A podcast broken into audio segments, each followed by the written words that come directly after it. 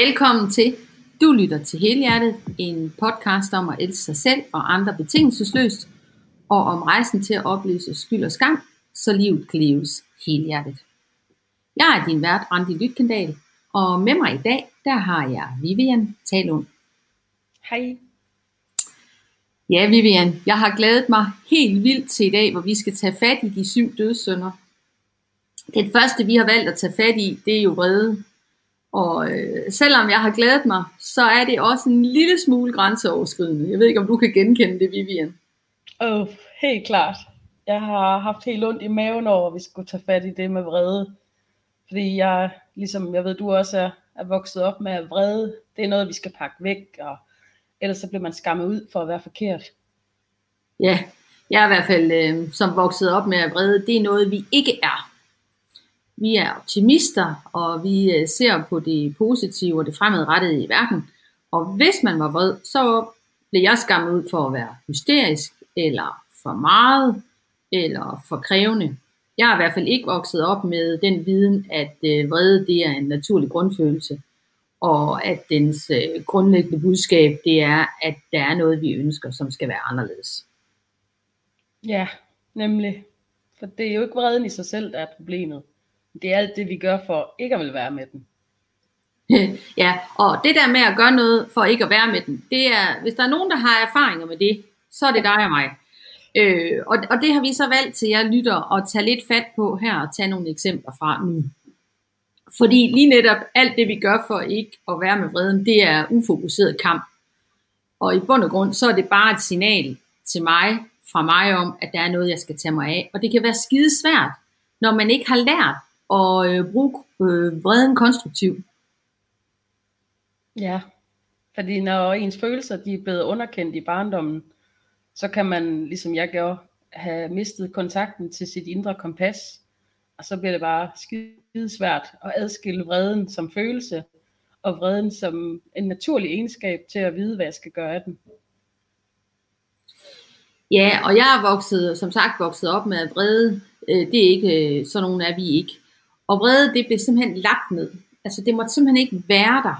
Øh, så i stedet for, så blev vreden sådan en underliggende bitterhed, som ikke blev øh, håndteret. Så selvom at øh, den ikke blev rettet ud af, så var det sådan en dyb bitterhed indeni øh, over, at noget øh, ikke kunne forandres. Ja, det kan jeg sagtens genkende. Det der, det, det vil vi ikke se på. Nu må du bare tage dig sammen og pakke det væk. Så nu er der mad, og så taler vi ikke mere om det. Jeg lærte ret tidligt at sluge vreden.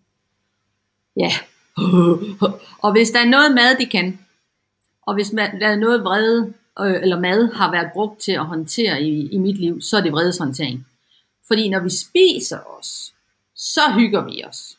Så er der ingen konflikter. Og, og jeg har sådan reflekteret over det her i løbet af, at vi skulle gøre klar til, øh, til den her podcast omkring vrede, og nu ligger vi jo og, og optager her i juledagene, at det måske var derfor, at slikskålen altid var fuld til jul. Fordi det, at vi altid bare kunne spise slik, så var der ingen konflikter. Så den sikrede jo, den der slikskål, den sikrede jo den gode julestemning.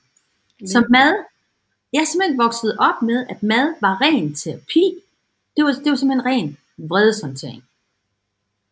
Ja, især søde sager. Det, det havde vi også masser af. Så, så kunne man lige sætte plaster på det, der var svært. Ej, er du ked af det? Ej, ej, ej det er træls her. Tag noget sukker og sukker det klister så godt. ja, det, lægger, det lægger sådan lige en dæmper på det hele. Oh ja. Yeah. Godt vej. Det der er sådan lidt sjovt, det er, at i mit personlige arbejde med at ændre det her med at øh, adskille mad og følelser fra hinanden, og ikke bruge mad som terapi, hmm, der havde jeg et eksempel, hvor jeg øh, på arbejde var blevet meget vred over noget øh, ude hos en borger. Øh, og da jeg sætter mig i bilen, så får jeg bare ustyrlig lyst til kage, sådan ud af det blå. Altså, jeg tror, det var klokken 11 om formiddagen. Jeg fik bare sådan virkelig lyst til kage. Og så kom jeg i tanke om, hey, jeg har sgu da en kollega. Han havde da kage med. Var det ikke noget med, at der stod kage i køleskabet? Og jeg kørte ind på arbejde, åbnede køleskabet og tog det her stykke kage, og lige det, jeg skulle til at sætte gaflen ned i, der er jeg sådan lidt, jamen Randi, er du overhovedet sulten? Og så kunne jeg stå der og diskutere mig og sige, jeg er helt vildt kagesulten. Jamen, hvorfor har du lyst til kage? Jamen, det, det er fordi, det er fordi, jeg er vred. Okay, så, så, så handler det om, at du skal have kage lige nu, eller handler det om, at du skal finde ud af, hvad den der vrede, den handlede om. Det var simpelthen så syret, og sådan et af mit sådan de der breakthrough for mig om, at hold kæft mand, hvor har jeg brugt mad til at håndtere meget vredeshåndtering. Men da jeg opdagede det, så kunne jeg ligesom ikke, altså, så er det først der, jeg kunne gøre noget andet. Så begyndte jeg fremadrettet at kunne tage stilling til, hvorfor er det, jeg rent faktisk spiser lige nu. Er der noget, jeg skal have taget mig af? Eller er jeg faktisk sulten? Jeg kan, jeg kan genkende det der øh, i, i, at jeg har været til noget socialt for eksempel. Været sammen med andre mennesker, øh, hvor jeg har overbrugt mig selv. Hvor jeg ikke har fået sagt fra, øh, hvis der er noget, jeg har været uenig med. Eller i det hele taget, jeg har ikke lyttet til mig selv og mærket, at jeg faktisk skulle være taget hjem for længe siden. Eller have trukket mig, fordi jeg var træt og havde brug for ro. Og når jeg så kom hjem, ja, så i stedet for den grænse, jeg skulle have sat ud af til og sagt tak for i dag, nu er jeg nødt til at tage hjem, så blev det vendt indad. Så var det selvkritik og bebrejdelser. Hvorfor fik jeg nu igen ikke sagt fra? Det er også for dårligt. Og frygten og, og uroen, der så kom i min krop, det, den voksede. Og, og det er ubehageligt. Puha, det kunne jeg ikke finde ud af at være med. Den skulle lægges ned. Og det er bare så dejligt nemt med mad. Så ud og kigge i skabene, hvad har jeg? Hvad kan jeg bruge til at, at få det til at gå væk med? Fordi det er den strategi, jeg havde lært. Ja, så, så i hvert fald, øh, nu sidder vi øh, to madalkoholikere, øh, og, og man kan jo ikke helt undvære det her mad. Det, det er ligesom en, øh, man kan jo ikke ligesom en alkoholiker bare stille, øh, stille øllen på hylden. Men i det øjeblik, at vi tør at forholde os til den her vrede og ikke ægte ud på den, så er der faktisk en utrolig stor gave at hente i og, øh, og, og lytte til, til vreden, fordi den sætter os i kontakt med vores indre værdier. Ja. Det kan være skidesvært, når man har, øh, har lært at tilpasse sig andre behov, fordi at, at det her med, at man bare pleaser, det sikrer jo også øh, tilknytningen til flokken og fællesskabet.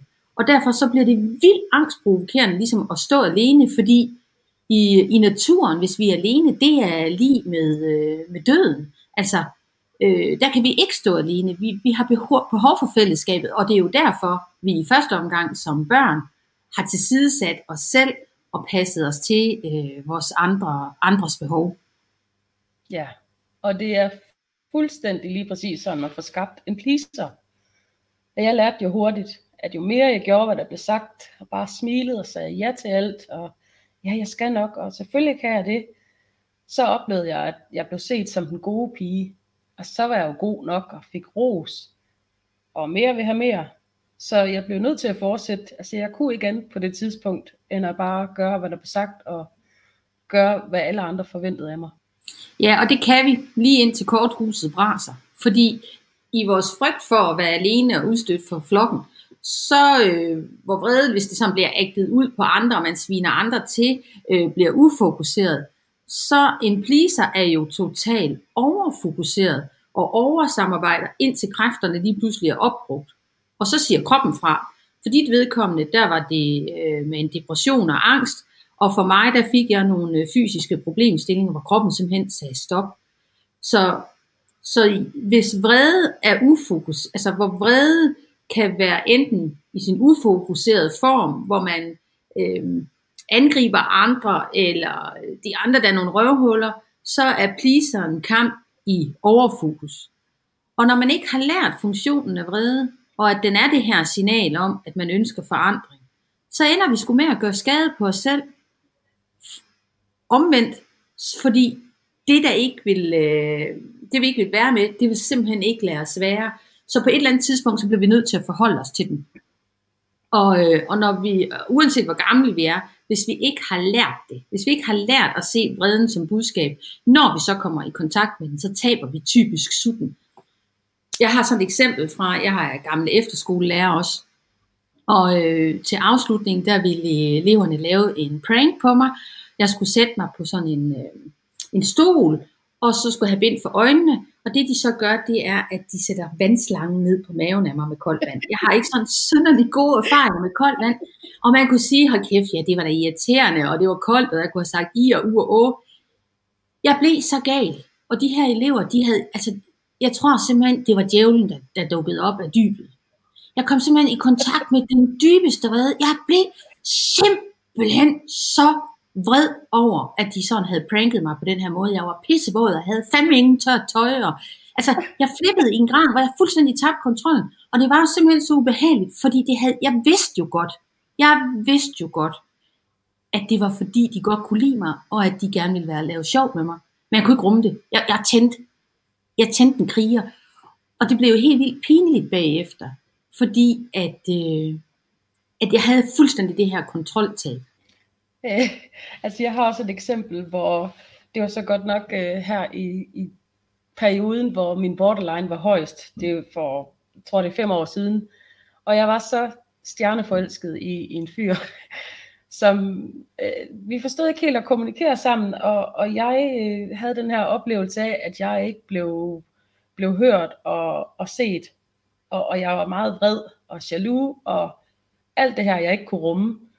Og jeg var så vred, at en aften en veninde og mig, vi havde siddet og drukket os fuld, så fik vi en super god idé.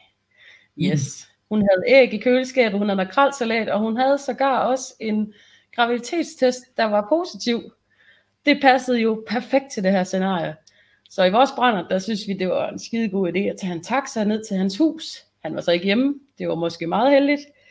Øh, så jeg æggede hans vinduer, og tog den her makrelsalat og smurte hans postkasse ind i makrelsalat og godt ned i også med makrelsalat. Og så smed den her øh, positive graviditetstest ned i postkassen også. Det var lige en, en rar hilsen. Og øh, når jeg ser tilbage, så er det sgu meget heldigt, at hans bil ikke var hjemme, fordi så havde jeg faktisk tænkt mig, at, at det var udluftningen på bilen, der skulle have været fyldt med makrelsalat. ja.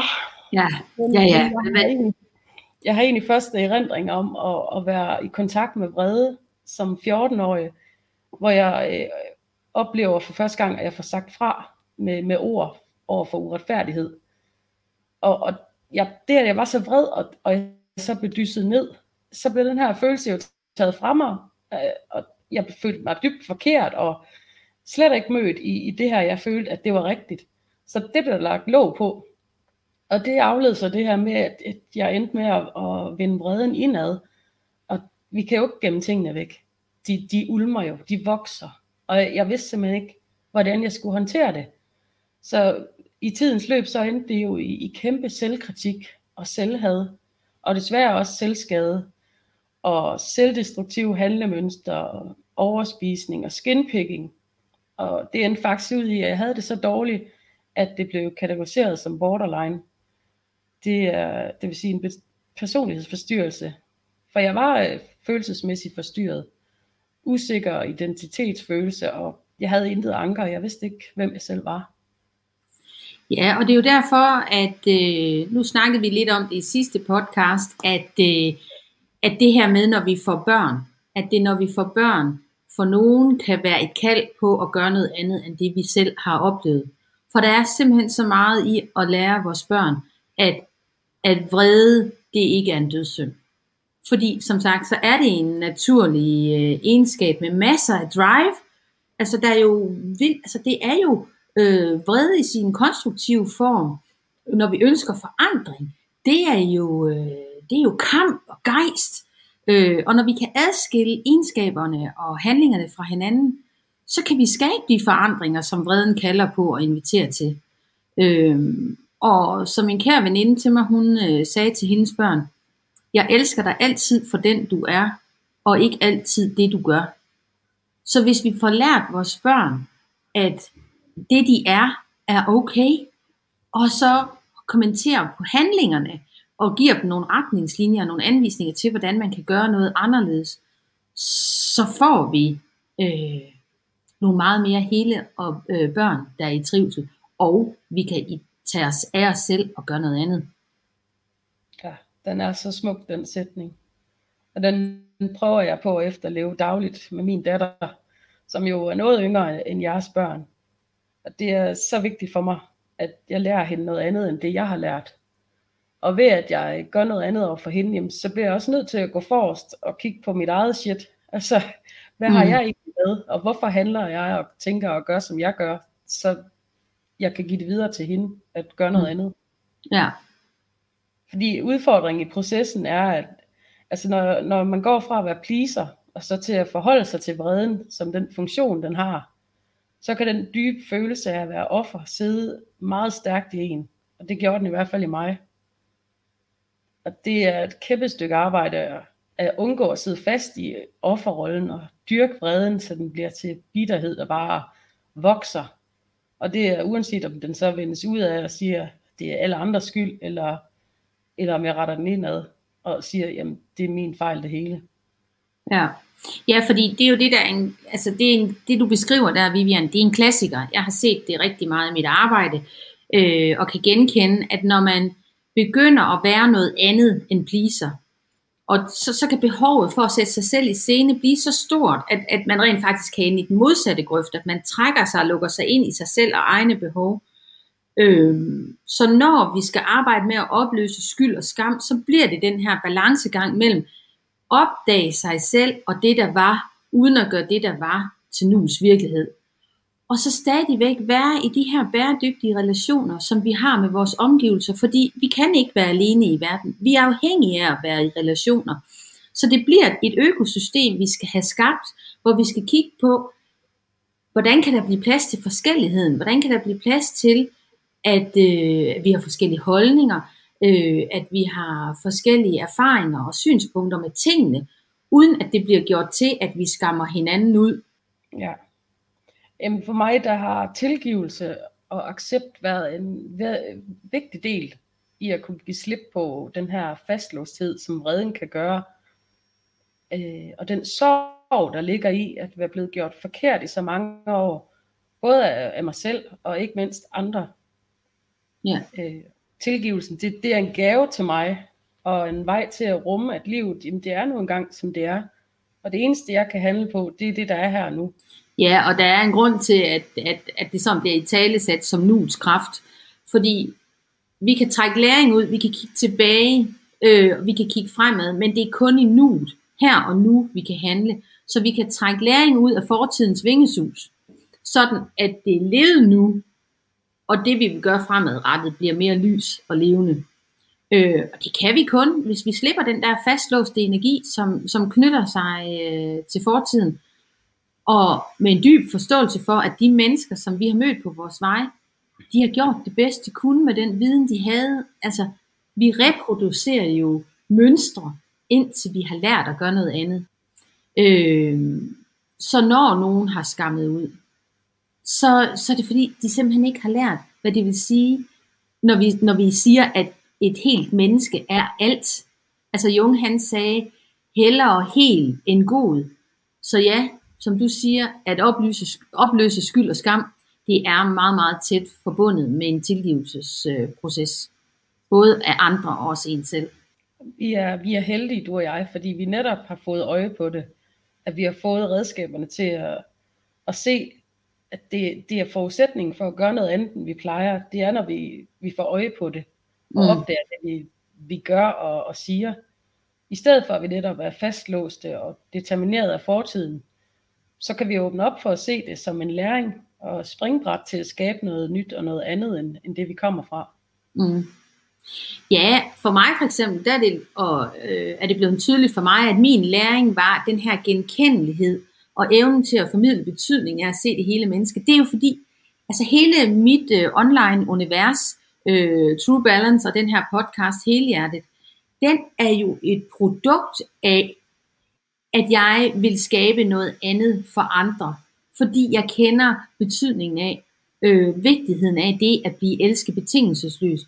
Fordi hvad, hvad giver det os evne til at være i verden? Og jeg ved godt, det lyder mega filosofisk, men det er i anerkendelsen af, at vi, at vi er alt, at der kan skabes fundament for at adskille egenskaber og handlinger fra hinanden. Og derigennem have færre uhensigtsmæssige handlinger, og større rummelighed over, og nænsomhed over for, når det sker. For vil vi træde ved siden af? Ja, det vil vi. Vi vil komme til at gøre et eller andet, hvor, nogen, hvor vi jogger nogen over tæerne. Men der bliver en større rummelighed og nænsomhed over, okay, det var ikke det, der var min hensigt. øh, når vi har lært, at, øh, at vi er alt. Jeg arbejder meget med, at, at jeg som voksen, nu fordi jeg har lært det, og har fået redskaber til det selvfølgelig, fordi det er jo ikke bare lige sådan at knips med fingrene, at så, så gør vi noget andet. Men jeg arbejder med at integrere alle egenskaber, netop det her med, at vi er alle sammen dumme og gode og smukke og grimme. Vi er det hele. Og netop at finde balancen i at, at udtrykke mig med alt, jeg er. For hvis jeg fortsat med at dulme alle de dårlige følelser og oplevelser og lægge låg på dem, jamen så ender jeg også op med at dulme alle de gode. Og mm. så bliver livet sgu sort-hvidt. Og jeg ønsker, at mit liv det skal indeholde, indeholde alle regnbuens farver. Ja, du og jeg og lytterne, vi vil øh, have det hele. Og, øh, og jeg tænker, det må egentlig være the keyword til øh, den næste dødssynd, vi skal have fat i. Nemlig øh, grådighed. Uff, den er heller ikke rar. Men øh, jeg er frisk på det. Jeg føler mig modig, fordi nu har jeg jo overlevet vreden, så bring it on. Ja, jeg har også mod på at gå videre, og øh, det har jeg også et ønske og et håb på, at øh, lytterne også er med på. Så øh, jeg vil slutte af med at sige øh, tak til dig, Vivian, for at du øh, vil dele dine refleksioner ind i øh, dødssynden vrede sammen med mig. Og til dig derude, du har lyttet til hele hjertet. Tusind tak, fordi du lyttede med.